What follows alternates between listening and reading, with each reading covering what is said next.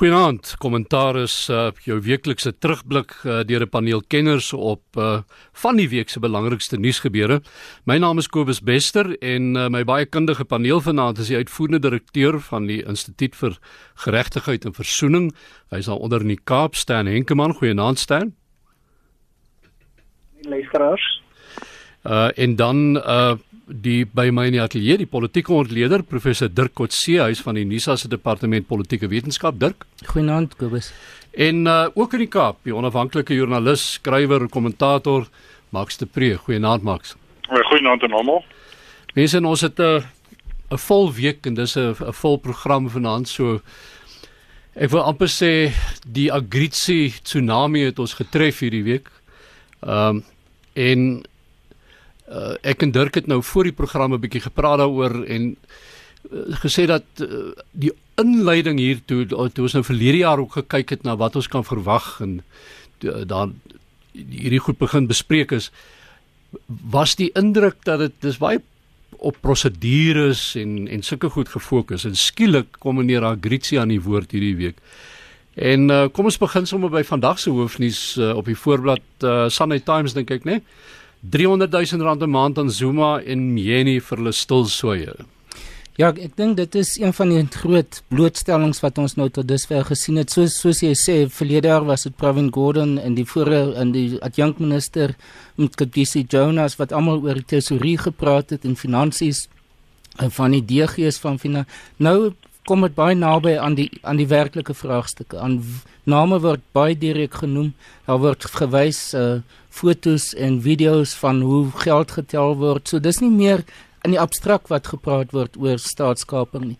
Ek dink die baie ander interessante of belangrike aspek wat gespreek is is dat die konsep van staatskaping word nie nou net eksklusief met die Guptas geassosieer nie. Dit word nou 'n baie breër konsep. Die private sektor in die algemeen word nou ook meer ingetrek. Dis nie weer eens net geïsoleer rondom die Guptas nie. Um En tweedens is dit nie net die staatsondersteunende in, instellings wat gespreek is, Eskom, Prasa en ander nie, want dis nou staatsdepartemente, die gevangenis of korrektiewe dienste. Ehm um, so dit word 'n baie breër die die speelveld word baie breër, die die fokus word baie breër. En dan natuurlik soos wat ons nou sien, Ehm um, daar's nou konkrete getuienis. Dis nie in abstrakte terme soos vroeër wat meer in 'n of teoretiese terme wat gepraat was oor staatskaping nie. Dit gaan nou oor spesifieke getuienis wat getoets moet word. Ehm um, en ek dink dit gaan die, die van môre af gaan dit baie interessant wees om te sien want in die naweek se koerante is daar baie genoem van wat nou in die pipeline môre mm. vir môre is. Um, en wat nog nog groter blootstellings gaan wees is wat ons die afgelope week gesien het. Interessant genoeg uh, Max op uh, News, News 24 vandag uh twee name wat uh, nou maar net nie hierdie nuus uit kan bly nie en uh, twee mense wat nou weer eens daar by die vervolgingsgesag sit en uh, ek praat van Nonglobo Jiba en Lawrence Mkhwebi.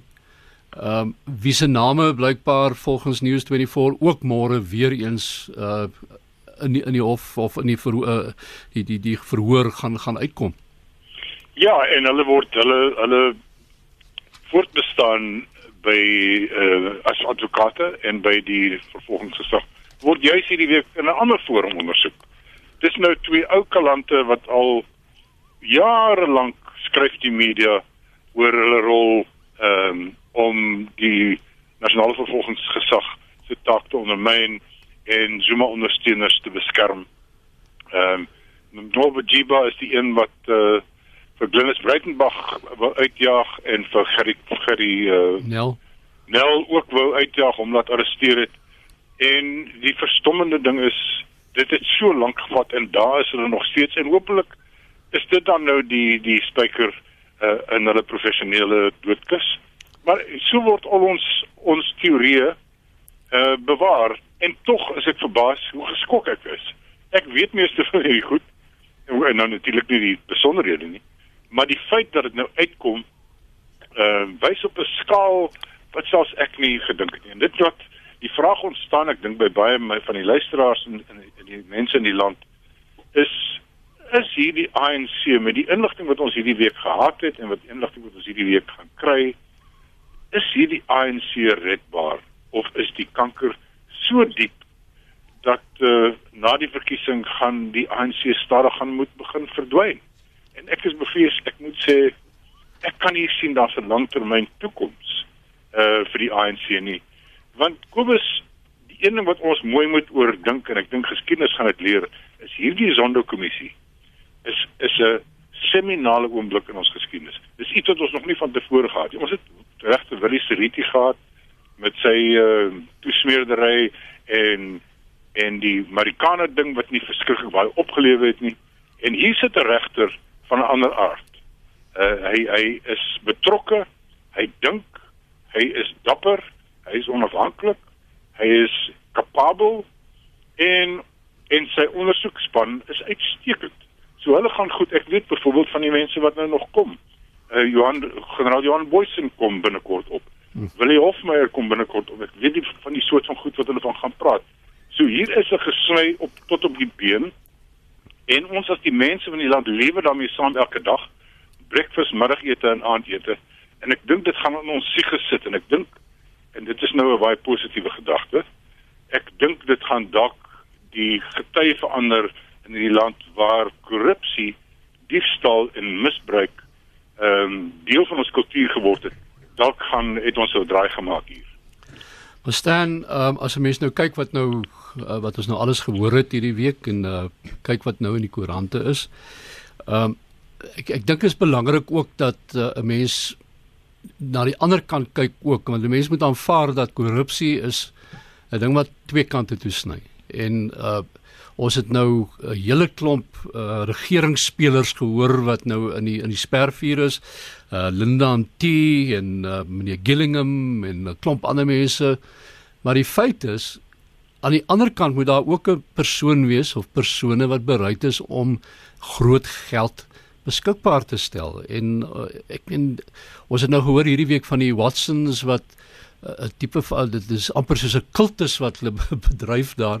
Skriflesings en gebed voordat hulle die omkoopgeld uitdeel en so aan. So ehm um, dit moet daarom ook kommerwekkend wees want is is hierdie land eh, en ons sake gemeenskappe so aan is ons is ons die morele kompas so so die klit so kwyt. Ja, Kobus, dis dis dis dis 'n dis 'n diep diep kommerwekkende uh, uh, aspek spesifiek uh, die die laaste punt wat jy genoem het rondom die misbruik van godsdiens en en en hoe mense dan nou ehm um, sien hoe hoe hoe, hoe mense soos die Watsons ehm um, uh, uh, op 'n skandaleuke manier ehm um, godsdiens gebruik om om um, hulle self te bevorder in terme van uh, uh, hulle hulle morele sta, um, standaarde en so voort. Maar wat ek ek dink wat ons ook aan moet dink is die feit dat ehm um, dis dis dis baie belangrik dat daar nou ook ehm um, aan die aan die aan die ander kant gesien word dat dit is nie net ehm um, mense van uitregerings uh, kant nie maar maar dat hierdie hierdie uh, korrupsie baie baie diep lê. En ek en ek stem heeltemal saam dat die feit dat dit nou verby die meer as net die Guptas geword het en meer as net staatsamptenare geword het is geeintlik vir ons aanleiding van hoe diep gewortel die probleem is. En en en Max is reg as hy sê dat dat dat hierdie uh, kommissie is 'n seminale oomblik. Want um, as as ons nie uh, iets dat werklik doen aan aan hierdie hierdie ehm um, uh, siekte, hierdie epidemie van korrupsie nie, dan gaan ons ehm um, so Zimbabwe word en en en en jy weet ons praat baie keer van ons moet opset ons nie so Zimbabwe word op grond van die grondkwessie maar die rede hoekom Zimbabwe soveel ons gaan later oor Zimbabwe praat maar die rede hoekom hulle net nie die mas kan opkom nie is omdat dinge so diep gewortel is en so diep gesetel is. En ek dink ons was op pad daarna toe en en en hierdie kommissie ehm um, gee definitief vir ons 'n baie baie sterk uh, beeld van wat in die land aangaan. En en, en ek dink dit is dit is tyd vir gewone burgers om kennis te neem maar ook vir vir um, ons om te vra nou hoe beskerm ons hierdie demokrasie van ons? Hoe maak ons seker dat ons dat ons self nie betrokke raak by klein maniertjies van van korrupsie nie? Maar maar ek dink dit dit is 'n groot oomblik vir Suid-Afrika om om stil te staan en te sê wat is ons waardes? Selfs klein goedjies. Vinnig hier inkom Kobus. Ja, asseblief Max. En en net sê ja, ek ek stem 100% met Stan saam. En hier is dan die ander ding. Ons hoef nie van hierdie vletjie blasters te hou nie. Dit lyk nie vir my of Angelo Agrizi 'n vreeslike aangename uh eerlike man was nie. Ek bedoel hy is die korrupteerder en hy het super super ryk geman die rang die man het 'n hele versameling Ferraris. Maar hy was 'n vletjie blaser. En as dit nie vir hom was nie, dan het ons nie hierdie goed geweet nie. En ek dink ons moet die kultuur begin aanwakker in hierdie land. Van 'n vletjieblaser is 'n held en 'n patriot. Uh, want dit is die eerste linie van verdediging teen misbruik en korrupsie. Is iemand binne 'n organisasie, binne 'n maatskappy wat magsmisbruik en korrupsie sien om ergens heen te gaan. En ons het 'n wet wat hierdie mense beskerm. Ehm um, en ek dink ons moet 'n bietjie agiteer en 'n bietjie aktivisme loods hier rondom. Want as ons hierdie land wil omdraai van die korrupte kultuur wat ons het, gaan dit begin met meer mense wat wat vletjieblassers is. Ek wil ook aansluit by by Stan uh Max en net die punt ook maak dat uh wat 'n mens dikwels vir, vir uh, ek dink miskyk Dirk is dat as jy selfs op die kleinste manier deelneem aan aan aan hierdie oneerlike goed as jy 'n verkeersman koeldrankgeld gee soos hulle dit so eufemisties noem uh is jy deel van die probleem of jy nou daarvan hou of nie dit is dis dit het 'n nasionale sport geword Dit is so en ek, ek dink mense wat baie krities is oor hierdie aspekte sien dit nie noodwendig altyd so nie. Sodra dit hulle direk raak, as hulle moet byvoorbeeld 'n drybewys kry, Hmm. Hulle sê hoor dit kos 6500, maak hulle maar oë toe en hulle gaan en, en dit word gedoen. Hmm. En ek dink dis dis waar die die aktivisme nodig is. Ehm um, waar almal van ons 'n streep moet trek deur te sê wel as dit as dit is wat van jou verwag word, dan sê jy nee. Ehm um, en dat dit die norm begin word. Op die oomblik dink ek is die belangrike as mens kyk na ander lande waar korrupsie in die verlede 'n groot probleem was. Kenia, Nigerië. Veral in Kenia is 'n goeie voorbeeld waar daar ook 'n regeringsverandering was en waar hulle met mense ingekom het wat spesifiek probeer het um, om korrupsie om te draai. Ek het dit self beleef van hoe dit verander het in Kenia. En ek dink want die norm het verander, die waardestelsel, die aanvaarbaarheid daarvan het verander en ek dink dis waar ons miskien nog effe gelukkig is is dat dit dis dalk nie laat korrupsie reeds die punt bereik het dat dit genormaliseer is nie. Daar's baie mense wat nog glo korrupsie is nie aanvaarbaar nie. Maar dit is die nuwe waardestelsel wat weer teruggebring moet word deur te sê dit gaan oor dienslewering, kwaliteit dienslewering. Dit gaan want dis 'n ander vorm van korrupsie in 'n sekere sin. Dit is nie net finansiële korrupsie nie. Dis ook korrupsie van misbruik van posisies na my mening.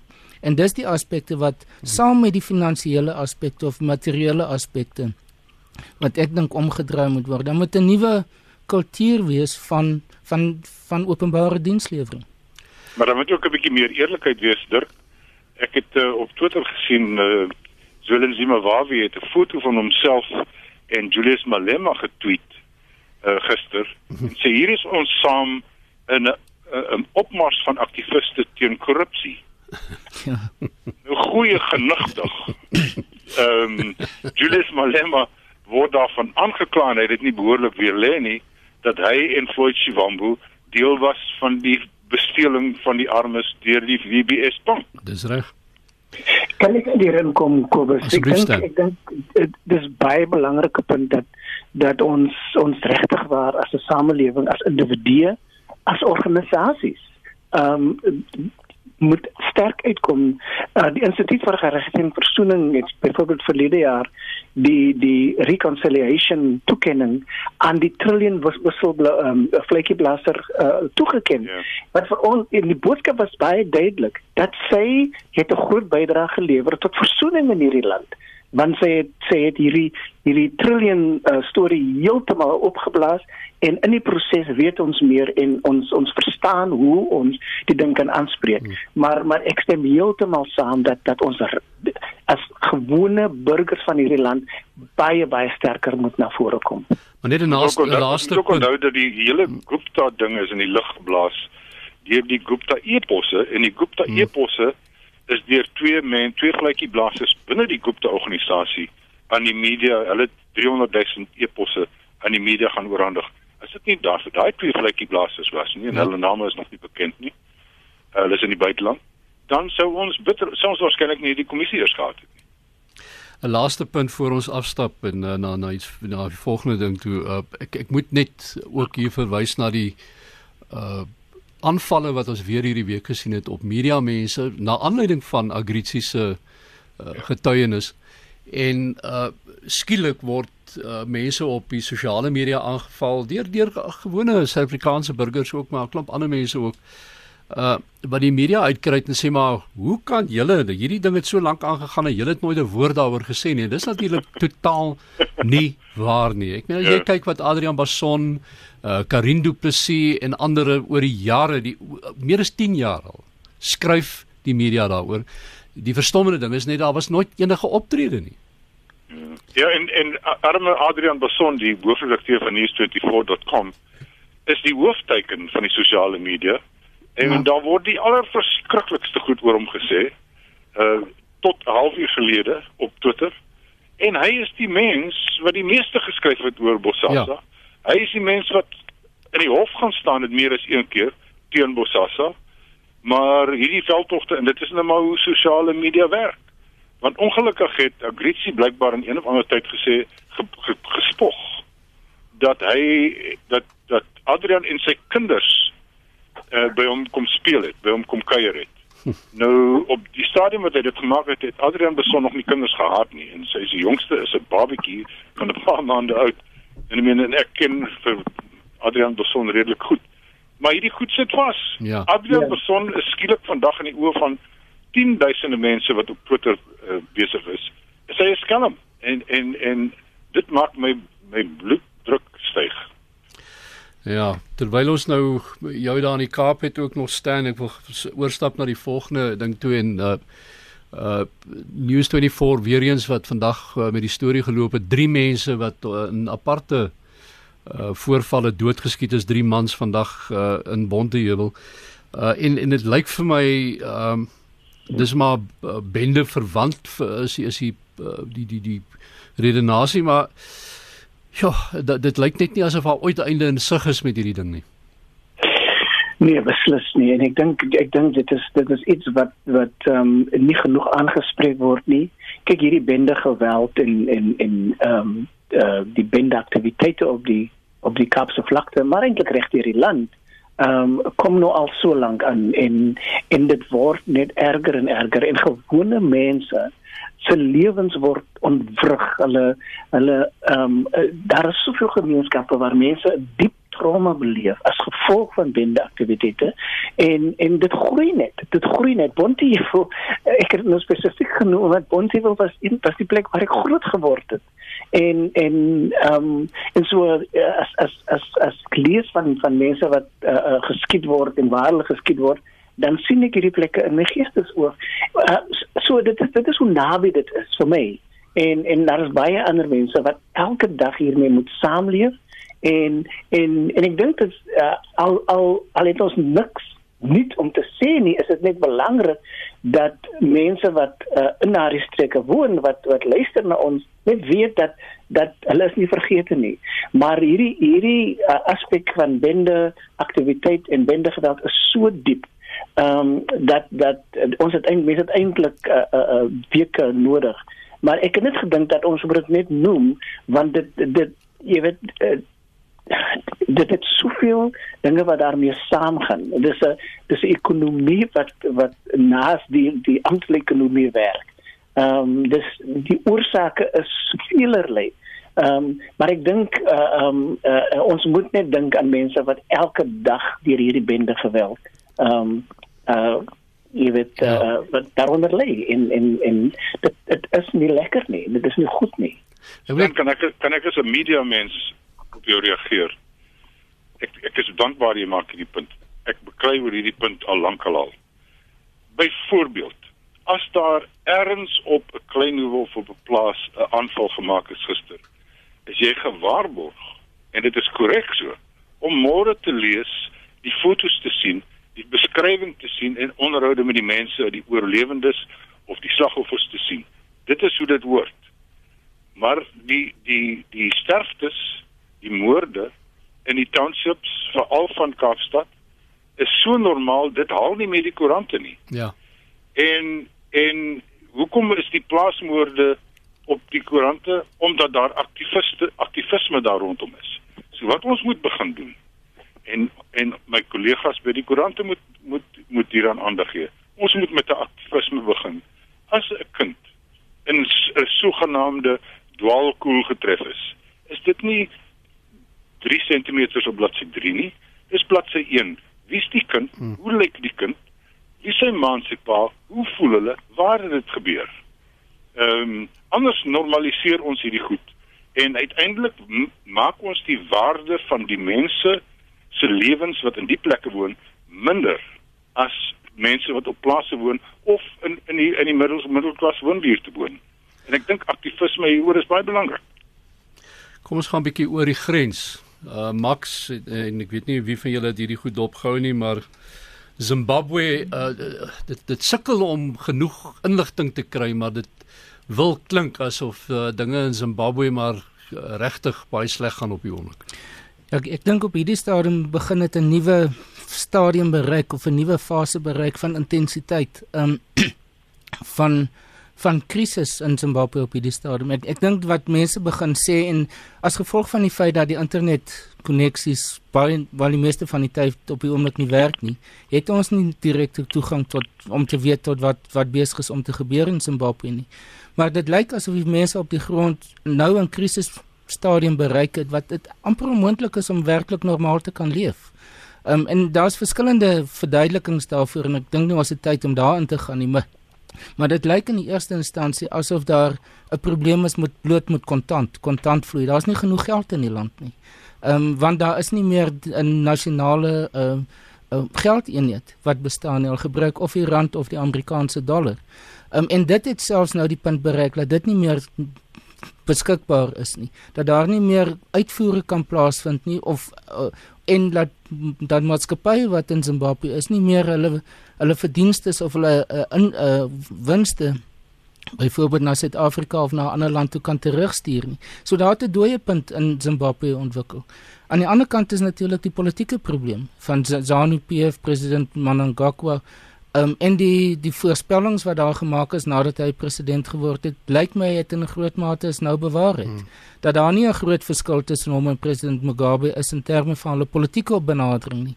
Um en dat hulle uiteindelik terugval op die weermag. Van my kollegas wat uit Zimbabwe uitkom, verduidelik vir my dat die meeste instellings, hulle staatsondersteunde instellings, hulle soortgelyk aan hulle uh, vervoerinstellings en so aan word almal die hoofde daarvan is voormalige weermag persone. So die weermag het in 'n groot mate eintlik die werklike politieke beheer in Zimbabwe oorgeneem en hulle het nie dieselfde benadering as die noem maar die siviele politici um, om te kyk na mense se belange nie. Hulle as meer magsgeoriënteerd. En die kombinasie van hierdie aspekte lyk dit vir my het die punt bereik waar president Mnangagwa nou na Rusland gevlug het um, om te probeer kyk of daar alternatiewe bronne is want soos ek verstaan vroeër het die Zimbabweërs na Suid-Afrika toe gekom om te vra vir 'n lening van die Reservebank en dis geweier. Oor 'n miljard dollar. Ja, ja, 1.2 miljard dollar wat ons waar kry. So dit dit lyk asof hy nou na die buiteland toe gaan om hmm. te probeer kyk of daar nie addisionele geld van een of ander bron soos hmm. byvoorbeeld die Russe is um, wat hulle op die kort termyn kan uithelp nie maar die die die die medium termyn of die voorsienbare situasie lyk op op hierdie stadium besonder sleg vir Zimbabwe. Maar wat verstommend is is dat uh, as jy nou kyk hoe hoe is hy hier weg met 30 mense op 'n uh, luxe vliegtuig uh, wat wie voorbetaal het Rusland of Wel dit weet ons nog nie. Ja. Wat 'n wat 'n miljoen rand 'n uur kos, 'n Dreamliner. ja. ja. Maar, maar, maar, maar dit dit tog self vertel die hele verhaal. Ja. Ehm um, en ons sien dit ook hier dat dat ehm um, ons gaan geld vir eers maar ons ons neem die, die helfte van die land saam met ons. Ehm um, en en hierdie uitspattige uh uitgawes is, is jy weet is is simptomaties van van die die siege van van van mense soos Mnangagwa. En dit is, baie duidelik dat dat hy hy is nie die antwoord nie. Ons het dit almal geweet maar dit dit word nou absoluut bewaarheid. En so kort nadat ehm um, daar uh, so baie gepraat is van die vernuwing in, in Zimbabwe. Dis dieselfde mense dis net 'n nuwe gesig ehm um, en en niks het verander in Zimbabwe nie fundamenteel is dit nog dieselfde groep mense wat die land regeer en hulle gaan die, die land tot in die afgrond ehm um, bestuur. Al die al die inligting wat ek kry uit Zimbabwe het en ek het vandag hard probeer want dit is 'n plek waar ek waar ek uh, baie belangstel is dat Dirk is heeltemal korrek. Die weermag het inderdaad weer die land oorgeneem. Die visiepresident was die vorige bevelvoerder van die weermag. Ehm um, Emerson Mnangagwa was weg. Ek dink hy is op pad nou terug. Ehm um, en dat dit vandag erger is as ooit tevore. Die laaste paar dae was erger as ooit tevore. Die uh, woordvoerder van die regering het vanoggend klaar wys ook in die buiteland het gesê as jy dink wat jy sover gesien het is dis maar net die begin. So dis baie onheilspellend. En uh, die die video ehm um, video's wat ek vandag gesien het wat uitgesmokkel is uit Zimbabwe het die hare op my nek laat reg staan, regop staan. En ek dink ons ons dis dalk 'n groter krisis as wat ons gedink het. Hmm. Dis nie maar net nog 'n probleem in Zimbabwe nie. Ehm um, en dit is interessant dat dit, dit is uitgelok die die die sneller hiervoor was die die verdubbeling of verdriedubbeling van die uh, brandstofprys. Maar dit is dit is gaan nie reg daaroor nie, dit gaan ja. oor dis 'n akkumulatiewe effek. En ek dink die die weermag het nou gesê maar ons gaan nou ons gaan nou skoonmaak hier. En blykbaar ehm um, word mense soos met 'n worsmasjien deur howe gesit en in tronke toegesluit en is die polisie brutaliteit die goed wat ek gesien het vandag is werklik werklik aflig. Net by bygesê ook uh, een van die goed wat ek gesien het uit uh, Zimbabwe uit uh, meneer Mnangagwa het blykbaar ook voordat hy hierdie brandstofprysverhoging aangekondig het, het hy en nog 'n paar ouens 'n uh, meerderheidsaandeel of besit geneem van 'n maatskappy wat uh, in die middel van die brandstofvoorsiening staan. En uh, dat hulle toe reg gestaan het om ek weet nie hoeveel miljoen dollar te maak uit hierdie ding uit nie. So daar's nou nog daardie aspek wat die mense ook kwaad gemaak het.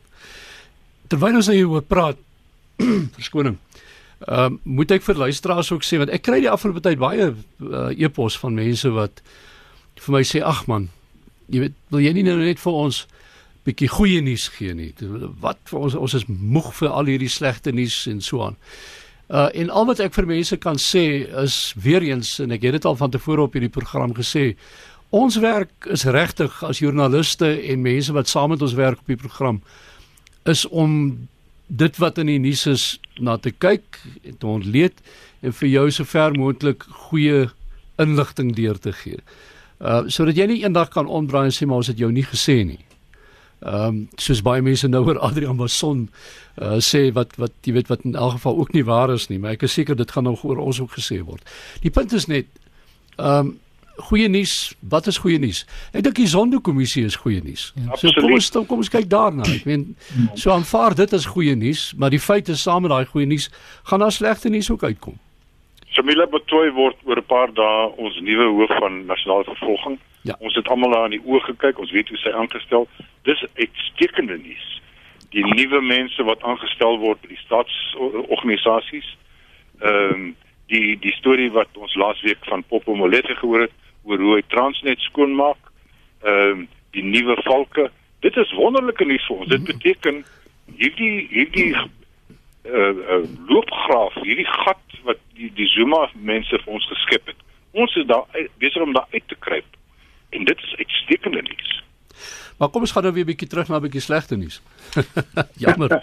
maar uh, nog 'n storie wat nou vir ons soos 'n bom gebars het was weer eens groot skelmspel. Maar uh, dit gaan nou oor die Ericsson kontrak vir uh, breëband wat uh, skeef geloop het hier in Johannesburg stad. En uh, weer eens daar het ons nou name wat uitgekom het uh, wat uh, regstreeks hierby betrokke is. Uh, ons minister van staatsdiens en administrasie, Ayanda Glodlo, uh, die adjunkminister van verdediging en militêre veterane, Kebby Matpatswe, En om hierdie ding nou nog net so 'n bietjie interessanter te maak, die Amerikaanse Departement van Justisie stel ook belang in hierdie storie want so dit lyk vir my daar gaan aan daai kant ook ingegryp word. Ja, ek, ek dink wat interessant is van hierdie is dat dit nou op 'n plaaslike vlak is. Dit gaan oor Johannesburg. Ehm um, en die die die stelsel die stelsel van breëbandstelsel wat hulle in Johannesburg wil implementeer. Maar wat vir my meer interessant is daarvan is die koneksie met die MK Veterans Association want albei van hierdie het in in die in hulle danigheid op die uitvoerende kom, komitee van die MK Veterans Association is hulle genomineer as 'n mens dit so kan stel om direkteure te word van die maatskappy die swart bemagtigingsmaatskappy wat so moet sogenaamd moet saamgewerk het met Ericsson. So dit bring die politieke dimensie van die ANC en van spesifiek van die Zuma komponent van die ANC en die wyse waarop in in uh Mkontibusiswe die veterane ingetrek is in die politiek van daardie tyd en hoe hulle begin betrokke raak het ook by by ek wil amper sê 'n tipe van 'n alternatiewe vorm van 'n ekonomie, van 'n besigheidsbedeling dat dit nie net suiwer politiek was nie. En dan wat ek soos wat ek in die koerant gelees het, blykbaar was die jeugliga, ANC jeugliga ook betrokke daarbey gewees. So wat mense uiteindelik kan sien is is dat en ek dink dit is die groter prentjie van die sogenaamde staatskaping is is dat die verhouding tussen die private sektor en die politieke sektor, ehm um, hoe geïntegreer dit was en dan 'n sekere sin waarskynlik nog steeds is, maar hoe dit hoe dit toenemend moeilik geword het om die twee van mekaar weg te hou. Nou daar is wetgewing wat sê byvoorbeeld dat uh, staatsamptenare en politici mag nie met die regering besigheid doen meer nie. Maar ek dink wat ons hier sien is dat dit feitelik onmoontlik is om dit werklik af te dwing. Die etiese kodes van die van die uitvoerende gesag en van die parlement wat parlementslede en ministers dwing om hulle belange bekend te maak, is nie werklik effektief nie. Ek dink daar sal anders ander meganismes ontwikkel moet word om in die toekoms seker te maak dat hierdie tipe van eh, konflik uh, van belange want dit is in wese wat dit is uh, dat dit nie net afgeskrik moet word nie maar dat dit verhoed moet word dat dit enigstens moontlik word.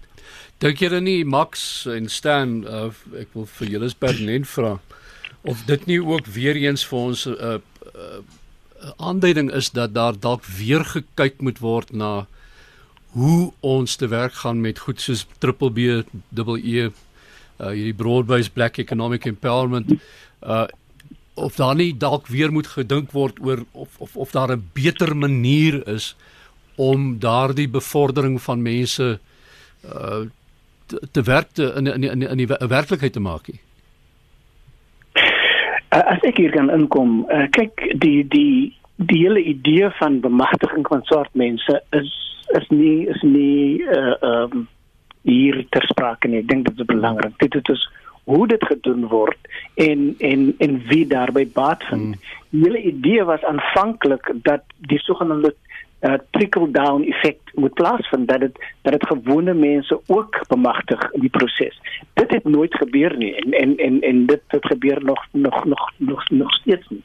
En en dit is die die wesenlike probleem met hierdie broad-based black economic empowerment. En en en ek dink dat dat ehm um, as as die regering ehm um, ernstig is oor oor die bemagtiging van swart mense, dan moet ons opnuut kyk na na hierdie broad-based black economic empowerment.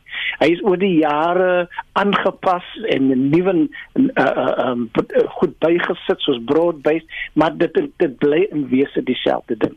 En ons sien wat gebeur as mense wat wat wat eintlik uh, hulle eie uh, uh, um, um, sake wil bevorder ehm um, die die die ontvangers is van hierdie broad based black, black economic empowerment dan kry jy waarmee ons nou sit. En ek dink ehm um, uh, uh, daar is niks verkeerd met black empowerment nie. Ehm um, maar uh, soos wat dit nou lyk is dit 'n geweldige groot probleem. En en en en dit bring my by 'n tweede saak oor die MK veterane. Ehm um, die MK veterane is in elk geval nie uh um, jy weet uh um eensgesind nie. Daar is uh, uh, verskillende uh groepe, maar ek ek ek ek, ek het 'n groot probleem met hierdie ding dat die die MK veterane uh um daarop aandring dat hulle moet bemagtig word. Hulle moet spesiale uh uh um kontrakte kry en so voort. Wat ons vergeet, wat ons vergeet is dat uh, baie en ek en, en hulle het 'n groot opoffering gemaak, ons moet dit sê. Maar die mense wat die wat wat eintlik maar die die die mag van die polisie en die weermag uh uh teengestaan het en was die mense wat gebly het in die land. Ehm um, en en op hierdie stadium ehm um, is dit vir my baie duidelik dat hierdie NK veterane alhoewel hulle uh, uh, uh, um, 'n wonderlike ding gedoen het, is hulle besig om die die die die werk wat deur gewone burgers in hierdie land in die tyd van apartheid om om dit heeltemal tot nik te maak. En ek dink dit dit vir my is 'n groot probleem. Dis 'n groot waarheid wat jy daar praat staan.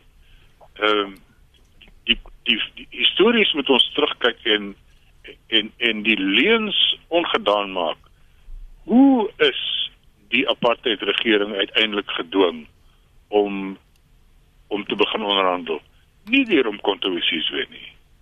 Kontroversies wees was nie 'n baie uh, effektiewe uh, militêre mag nie. Die apartheid regering het 'n baie kragtige militêre masjien gehad. So ons praat van die mense van die UDF.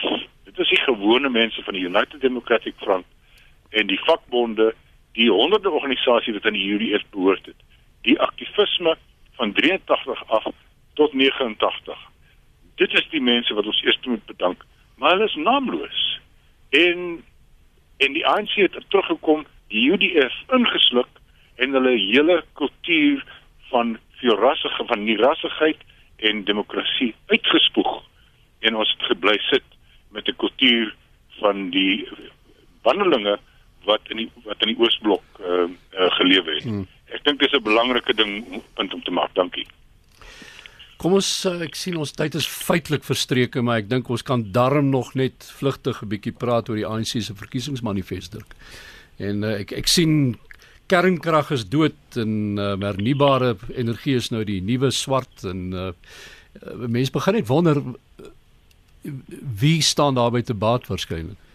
Wel dis moeilik om te te weet te weet. Uh, ek dink ek persoonlik is meer ten gunste van so 'n benadering. Dit hmm. is meer effektief. Ek het nou onlangs toe teruggery van die Kaap verby die 360s gery. Daar selfs in die middel van die Karoo sien hmm. mense deesdae uh Jeffreys Bay daar reg oor die oor, oor die land. So ek dink op die lang duur gaan dit was en dis die rigting waarna China gaan, Duitsland gaan. So die groot ekonomieë is besig om in daardie rigting te gaan. Ek dink saam daarmee met die die die feit dat steenkool die dryfkrag agter elektrisiteitsopwekking is nog steeds dat dit uit 'n omgewingsperspektief meer en meer onaanvaarbaar met die tyd gaan wees. Dink ek moet daar oor die langtermyn gekyk word na 'n alternatiewe manier van elektrisiteit opwek dat dit meer gediversifiseer word. Of dit in die ANC se gemoed dieselfde beteken as wat ek nou sê, dit weet ons nie. Ek dink uiteindelik vir my die interessante punt is is hoeveel mense gaan die ANC se verkiesingsmanifest lees. Ek mm. dink dis 'n baie klein persentasie. En dit gaan interessant wees hoe die verkiesingsveld tog gevoer gaan word. In die verlede was dit meer op persoonlikhede gekonsentreer, die leiers, figure as werklik beleid. En ek dink dit gaan interessant wees om te sien gaan dit weer eens op mense konsentreer of gaan dit bietjie oorskuif na beleid en dan gaan verkiesingsmanifeste dalk meer belangrik wees. Max. Ja, dit is baie interessant dat uh, daar vandag is as daar 'n beklei oor oor uh uh Esmag Sule wat die verkiesingsmanifest ehm um, gemanipuleer het en goed ingesit het oor die Reservebank wat die ANC nie besluit het nie. En nou kom die ANC sê nee, ons het nie dit gedoen nie en, en hy sê nee, hier is dit. Ons het daaroor besluit. Dan moet jy weet 'n party is in die knyp as hulle stry oor wat is regtig in hulle verkiesingsmanifest. Ek dink uh, wat wat Ysmagashule betref is daar baie mense wat uh, hoop dat Pieter Louw Meyburg se boek oor hom gaan nie te lank nog wag nie. Ja. Die volgende skandaal. Uh Stan, Wil jy daaroor jy ja, kyk ja, na die net net vinnig uh, Kobus um, ek dink die die ek sê heeltemal saam. Dit dis die toekoms. Uh, groen energie is absoluut belangrik vir die vir die omgewing en en en en skoner um, en op die lang duur ook goedkoper. Um, maar uh, mens moet tog tong in die kies sê dit is nou interessant dat die naam Mokonyane by Deadlock hmm. hier kom. Ehm um, en dit laat mense ook wonder. Ja, soos die Amerikaners sê watch the space, maar ongelukkig moet hierdie space nou vir eers toemaak hier by ons vanaand. En ek wil baie dankie sê aan uh, my paneel vanaand vir 'n baie lekker gesprek. Uh, in die Kaap uh, Max de Pre, uh, die onafhanklike joernalis, skrywer, kommentator, klomp ander hoede wat hy baie keer dra. Ehm um, ook Stan Henkemann, hy is die uitvoerende direkteur van die Instituut van Geregtigheid en Versoening en by my in die ateljee vanaand professor Dirk Kotse van die Unisa se departement van politieke wetenskap. My naam is Kobus Bester en ons is volgende Sondag 8uur terug. Totsiens.